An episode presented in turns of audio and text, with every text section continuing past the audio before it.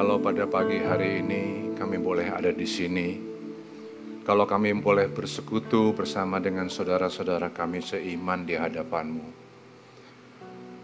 Bukan dengan kekuatan kami kalau kami boleh menikmati firman-Mu sebentar ini.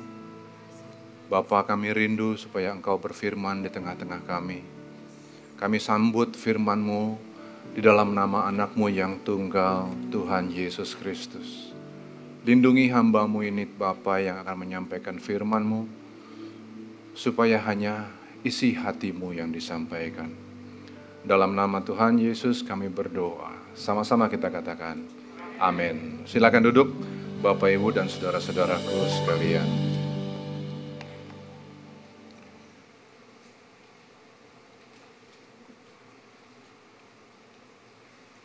Masih bicara tentang waktu. Pagi ini saya menyampaikan firman Tuhan yang dikasih judul Indah pada waktunya. Pada saat Allah mencipta waktu, Ia berfirman, "Jadilah benda-benda penerang pada cakrawala untuk memisahkan siang dari malam." Biarlah benda-benda penerang itu menjadi tanda yang menunjukkan masa-masa yang tetap dan hari-hari dan tahun-tahun. Kejadian 1 ayatnya yang ke-14. Sampai hari ini semua yang hidup yang sekarang bernafas ini terjebak dalam waktu dalam pusaran waktu yang terus ngitung, waktu terus jalan. Kita diem, kita bergerak, kita bikin ini, kita tidak bikin itu. Waktu terus jalan. Terus, terus, dan terus. Dalam pusaran waktu itu, kita tuh kejebak di dalam dunia setengah dimensi kita cuma tahu jalan ke depan. Itu pun kita nggak tahu panjang sebetulnya. Kita hanya menikmati, merasakan apa yang kita nikmati dan rasakan sekarang. Siapa yang tahu apa yang bakalan terjadi lima menit lagi? Kita nggak tahu, kita kejebak dalam pusaran waktu itu. Tapi dalam pusaran waktu di mana kita terjebak itu, sering banget orang play God merasa dirinya seolah-olah mereka tahu, seolah-olah mereka ngerti benar akan ada apa di depan sana.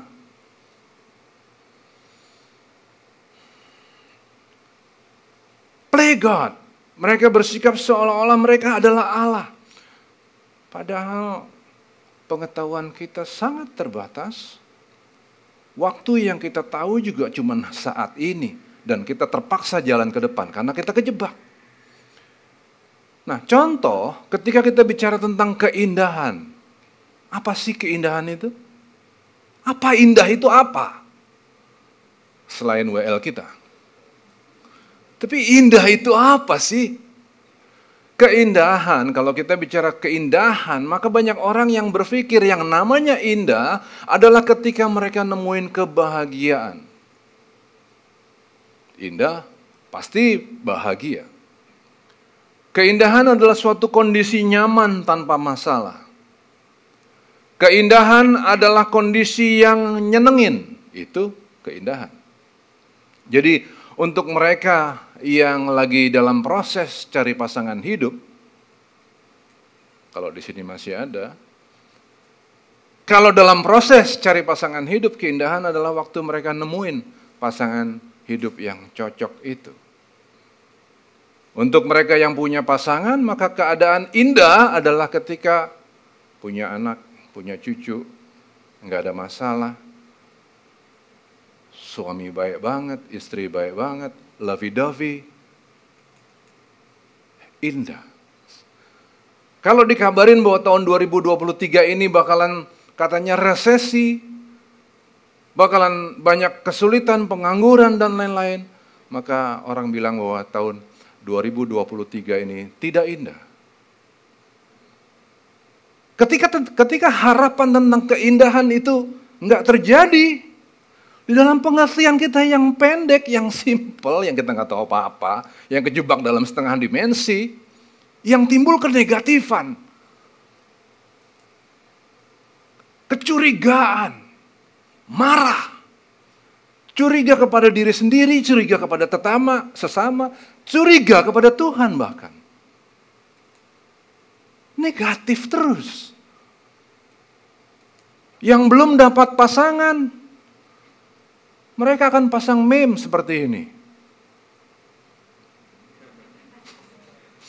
Negatif kan? Tapi lucu, tapi negatif kan? Nah lu enak jelek, gua ganteng begini, nggak punya pasangan. Lu jomblo nggak apa-apa kalau gua. kan jadi begitu tuh, negatif kan? Nyebelin gitu loh. Ayo, dalam keterbatasan kita ini mari kita belajar pagi ini supaya kita punya cara pandang ilahi tentang bagaimana sih atau apa sih keindahan itu. Keindahan adalah sikap hati. Ketika kita terjebak di dalam ruang waktu, ketika kita terjebak dengan kekurangan hikmat,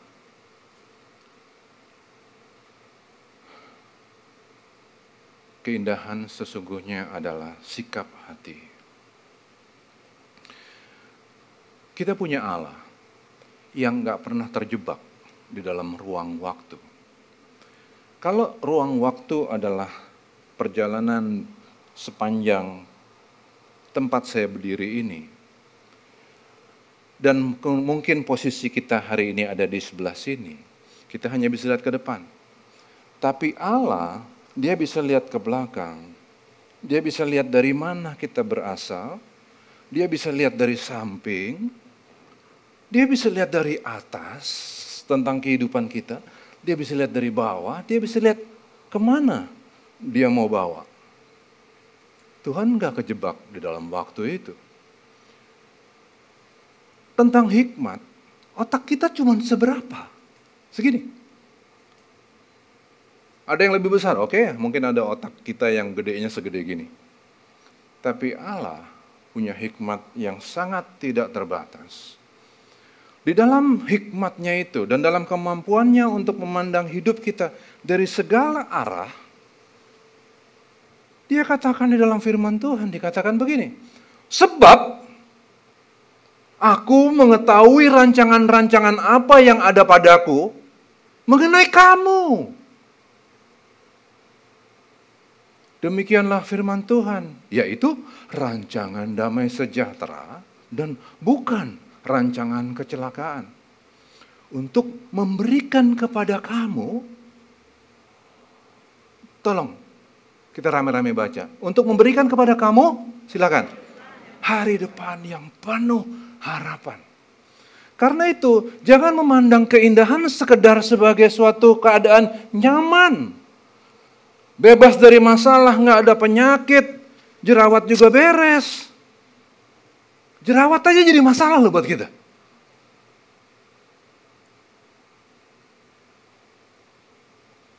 Enggak. Keindahan itu bisa di dalam bentuk macam-macam. Dan kalau kita belajar dari tulisan pengkhotbah, kita akan lihat betapa mengagumkan cara berpikir pengkhotbah. Dia sama seperti kita, dia bukan bukan hebat-hebat amat enggak. Tapi cara pandangnya tulus banget. Dia nggak punya kecurigaan kepada Allah. Sebaik apa pun Allah, kalau ada kecurigaan di situ sedikit aja, yang asalnya dari pahit kita, marah kecewanya kita, kebaikan itu jadi nggak ada artinya. Kita bisa tahu bahwa Allah itu pun, nggak punya rancangan kecelakaan. Ber, ber, berapa kali kita udah dengar firman ini? Udah sering. Tapi praktek hidupnya ini loh. Tuhan banyak banget problemku. Nah ini yang bikin orang jadi kecewa. Dan akhirnya Tuhan ada nggak sih? Seperti Israel. Israel juga akhirnya dengan kecewa ditanya, adakah Tuhan di antara kita atau tidak? Pengkhotbah nggak model begitu. Dia sama seperti kita, tapi dia tulus banget. Dia nulis tentang keindahan. Luar biasa. Dia tulis begini, untuk segala sesuatu ada, ada masanya. Untuk apa pun di bawah langit ada waktunya, kata pengkhotbah. Ada waktu untuk lahir, itu indah. Indah banget. Kelahiran orang pasti happy. Ada waktunya untuk lahir, tapi ada waktunya untuk meninggal. Nah, ketika meninggal dan kita terjebak dalam situasi waktu dan hikmat yang kurang itu, di sini sering timbul selek. Kenapa meninggal?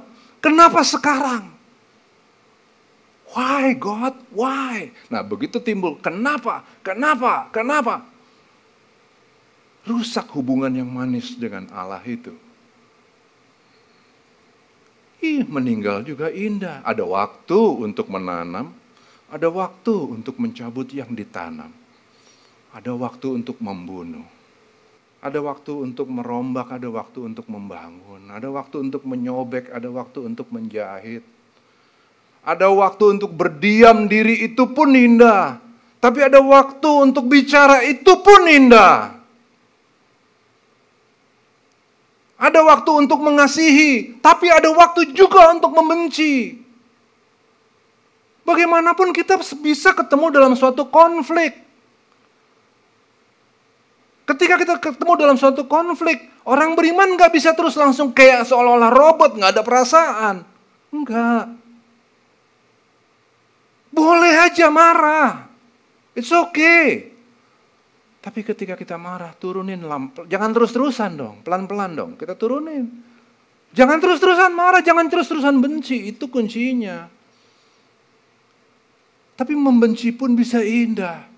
Asalkan di manage. Nah cara pandang seperti ini kan bagus. Cara pandang pengkhotbah ini positif sekali. Ini cara pandang ilahi. Dia memandang bahwa di dalam segala musim kehidupan kita itu, baik waktu kita ketemu, waktu kita berpisah, waktu kita marah, waktu kita baik, semuanya indah. Di grup musik ini kami juga punya masalah. Saya punya kesedihan karena Sam bulan Januari bakalan nggak melayani kita lagi walaupun Sam akan tetap ada di antara jemaat sama istri dan anak-anaknya supaya dia punya waktu untuk bawa istri dan anaknya beribadah dengerin firman Tuhan. Sekarang karena sibuk pelayanan nggak bisa. Tapi rasanya, my brother, I love you. Tapi ingat dong ini, ada waktunya untuk kita ketemu, ada waktunya untuk kita kepisah. Ketika terpisah jangan ada prasangka di antara kita. Rileks saja. Justru ketika kita rileks, ketika kita bisa nerima keadaan kita, lain kali kita main lagi bareng. So what? Kalau ada prasangka di tengah-tengahnya, rusak segala sesuatu. Rusak, asli rusak. Jadi keindahan adalah bagaimana kita bisa memaknai hidup ini dan memaknai negativitas yang kita harus alami dengan perbuatan yang nyata. Siapa sih yang di antara kita nggak ngerasain negativitas tantangan hidup? Siapa yang nggak? Tapi ketika kita memaknai itu dengan rileks, dengan tenang, dengan positif, dengan kasih di dalam tuntunan Roh Kudus. Nggak masalah. Perbuatan yang nyata. Perbuatan yang masang senyum di bibir kita. Juga perbuatan yang membuat orang lain tersenyum. Itu keindahan.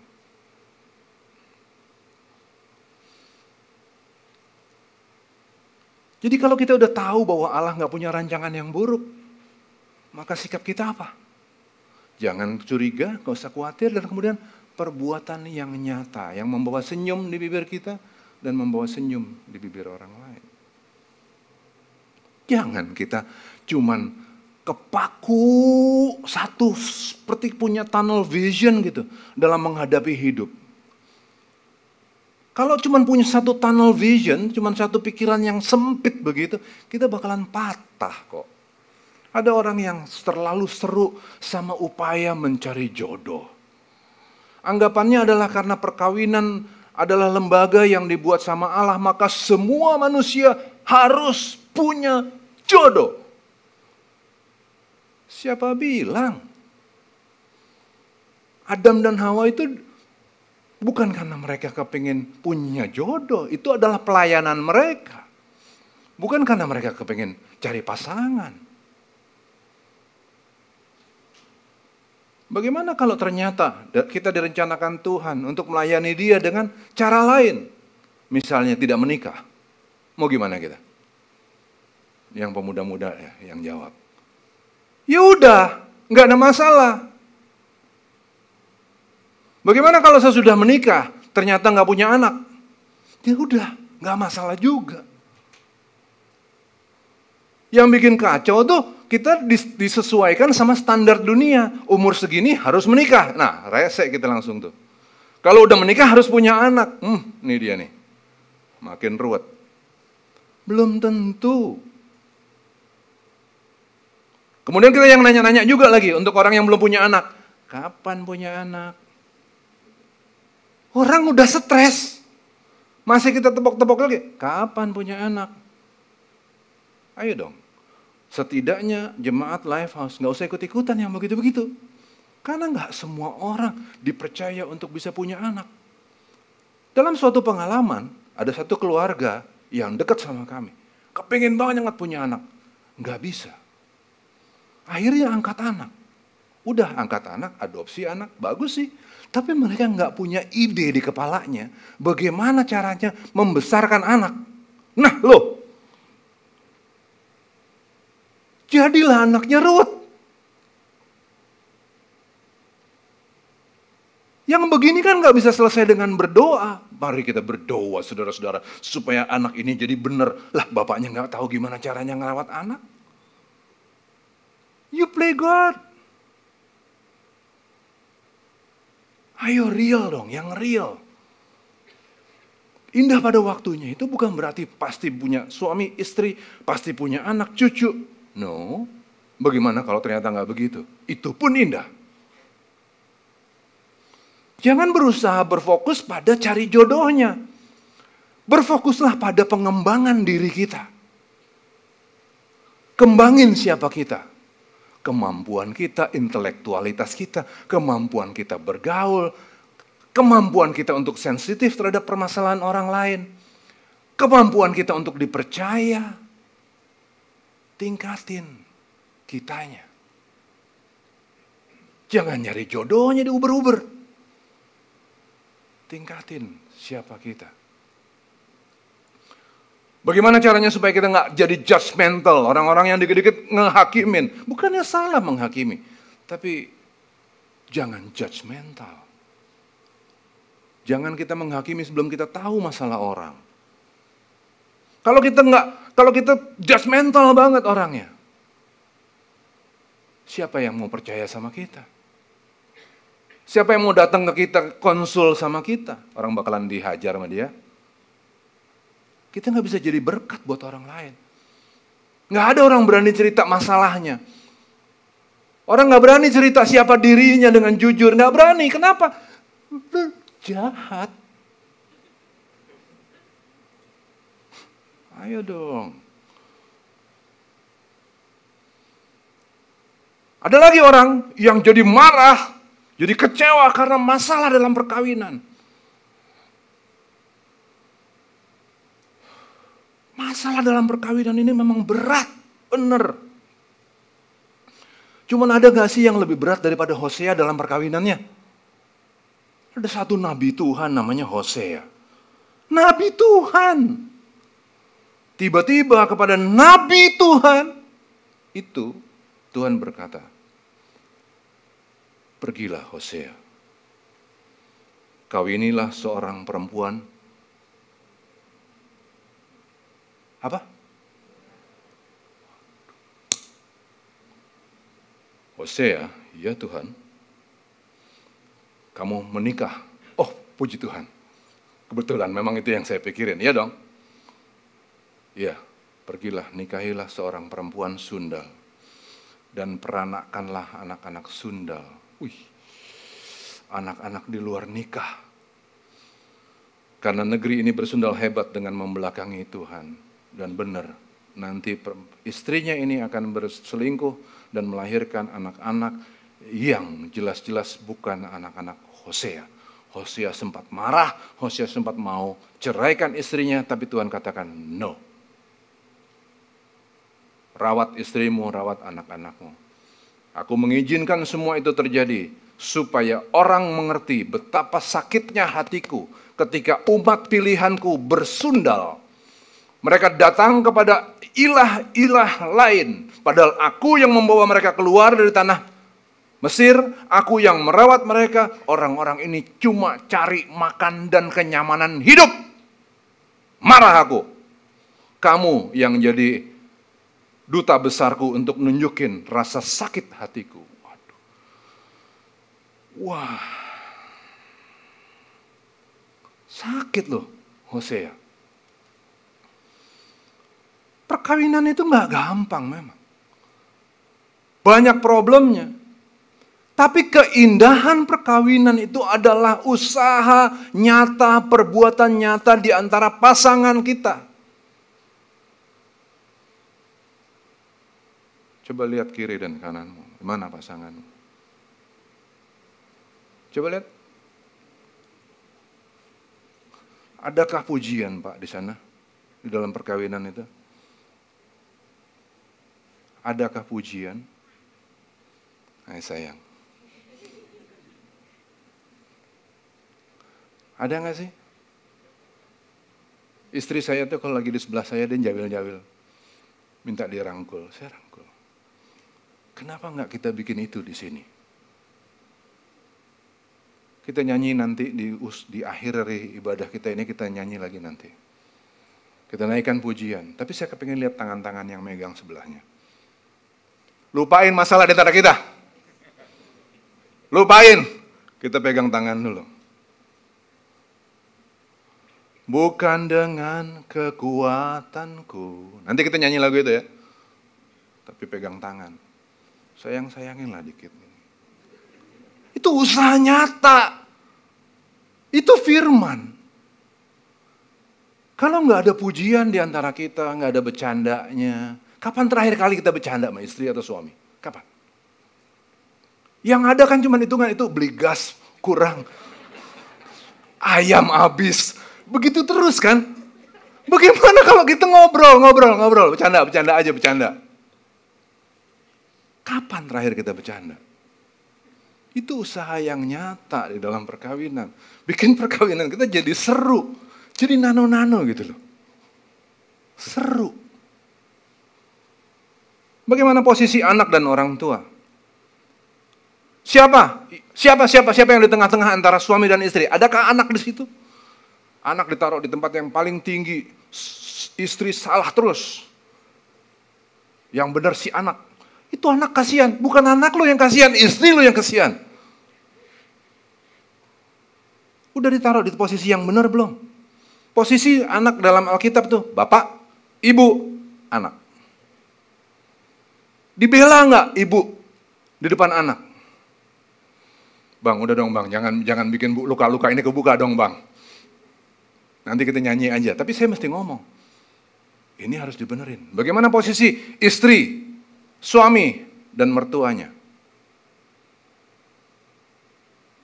Ini semua harus dikoreksi. Dikoreksi dalam kasih, dikoreksi, dikasih waktu, dibicarain. Kalau nggak nggak ada perbuatan yang nyata, bagaimana bisa indah? Jadi keindahan dalam perkawinan adalah usaha kita untuk melukis senyum di setiap anggota rumah tangga kita kan. Di senyum di bibir anak, senyum di suami, istri, menantu, mertua. Bagaimana kalau hidup, hidup terus menerus dalam kesulitan? Ini pun bisa bikin orang jadi marah dan ngerasa tidak ada keindahan di hidup ini. Ya jelas saja, memang kesulitannya nggak selesai-selesai kok. Nggak kira-kira selesainya. Eh, nggak kira-kira persoalannya nggak berhenti-berhenti. Ada yang lebih sakit dari Yeskiel nggak sih? Yeskiel, Nabi Tuhan. Tuhan bilang, Yeskiel Kiel, anakku. Ya Tuhan, tidurlah kamu. Oh puji Tuhan, asik banget sudah tidur. Gak ada masalah dong, sudah tidur. Tapi ingat, 390 hari kamu harus tidur ngadep ke kiri. Nggak boleh bangun-bangun. 390 hari, satu tahun lebih ngadep ke kiri doang. Nggak frozen shoulder, bagus tuh orang. Pinggangnya keceklek, 390 hari, dia hitungin. 379, 80, 88, 89, 90. Yeah. Yes, Kiel. Balik ngadep kanan. Tidur selama 90 hari. Mati nggak? Nggak selesai-selesai problemnya. Kalaupun dia bangun, dia boleh makan roti yang dibuat dari jelai dan lain-lain, tapi dibakar di atas kotoran manusia. Yang kira-kira dong, ah Problem kok begitu-gitu amat, masa makanan dibakar di atas kotoran manusia untuk nabi Tuhan? Tuhan, aku nggak pernah menajiskan diriku katanya. Bagaimana aku bisa membuat makanan di atas kotoran manusia? Oh fine, oke. Okay. Kalau nggak mau di atas kotoran manusia, bakarlah di atas kotoran lembu. Tetap aja loh.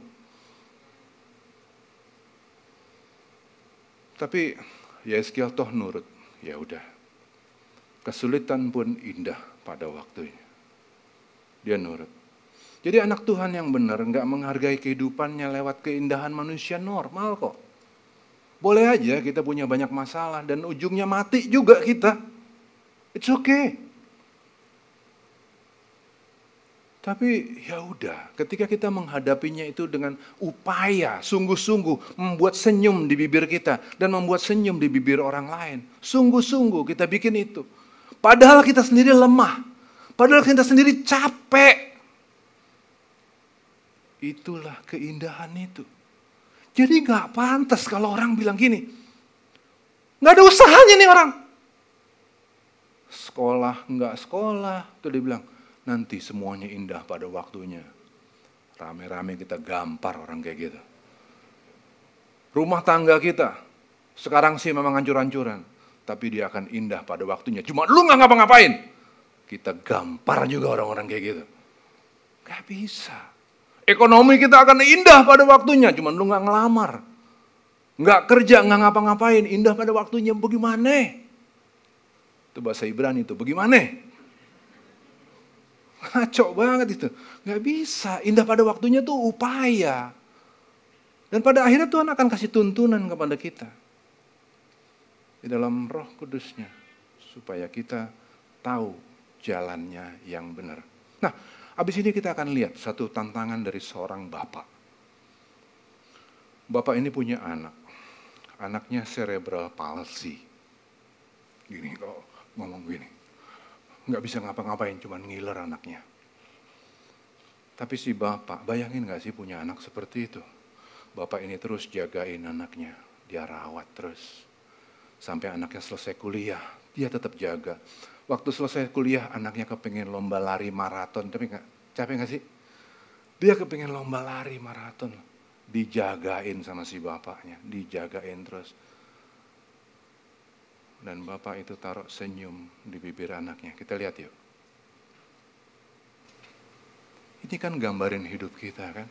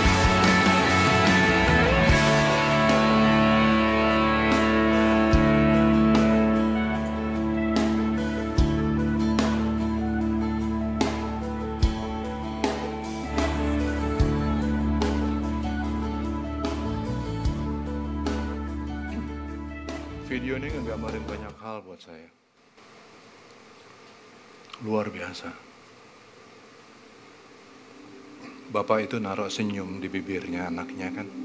Lihat nggak tadi?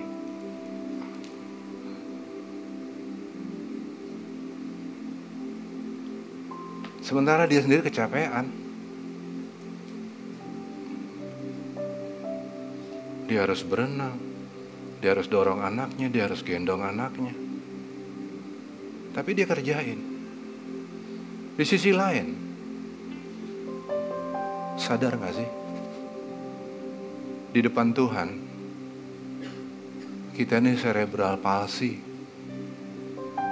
Hebat banget gak sih kita ini? Gak ada hebat-hebatnya. Tapi dia dorong kita. Dia jagain kita. Memang dia sering bikin kita lewat jalan-jalan yang rasanya penuh duri, susah, dan lain-lain. Tapi he is there. Dia lari, dia dorong kita. All you have to do, semua yang yang kita harus kerjain adalah senyum kali orang kita lagi didorong. Cemberut aja yang ada. Tapi Tuhan, tapi Tuhan, tapi Tuhan.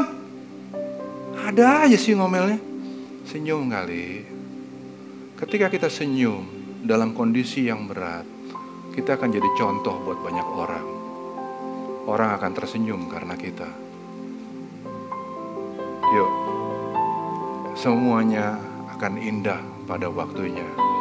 Kita nggak sanggup sih ngerasain persoalan-persoalan hidup tuh kita nggak sanggup. Tapi dengan dia yang ngasih kita kekuatan, kita akan mampu. Kita nyanyi bukan dengan kekuatanku. Kita nyanyi, kita ambil kita berdiri. Jangan lupa di sebelah pasangan kita siapa? Pegang tangannya, lus-lus kepalanya. Hari ini kita mau bikin jadi rekonsiliasi yang cantik, rekonsiliasi yang manis di antara kita. Bapa dalam surga, Engkau melihat anak-anakmu yang datang di sini dengan pasangan masing-masing. Ada tangan yang saling terkait, ada hati yang disembuhkan. Bapak begitu banyak tantangan yang harus dihadapi oleh umat kesayanganmu ini. Ada begitu banyak masalah yang bahkan mungkin tidak terkatakan. Tapi pada hari ini kami katakan bahwa hanya dengan pimpinan tangan Tuhan. Ketika engkau memegang tangan kami, maka segala sesuatu akan indah pada waktunya. Mungkin kami belum ngerti saat ini Tuhan, kami belum ngerti rencanamu. Tapi kami tahu engkau tidak punya rancangan yang buruk terhadap kami. Ini kami Bapak, kami alaskan doa kami ini di dalam nama Tuhan Yesus. Biar kuasamu yang mengherankan itu turun atas setiap kami di tempat ini, di keluarga yang ada di tempat ini. Di dalam nama Tuhan Yesus kami berdoa. Sama-sama kita katakan, amin.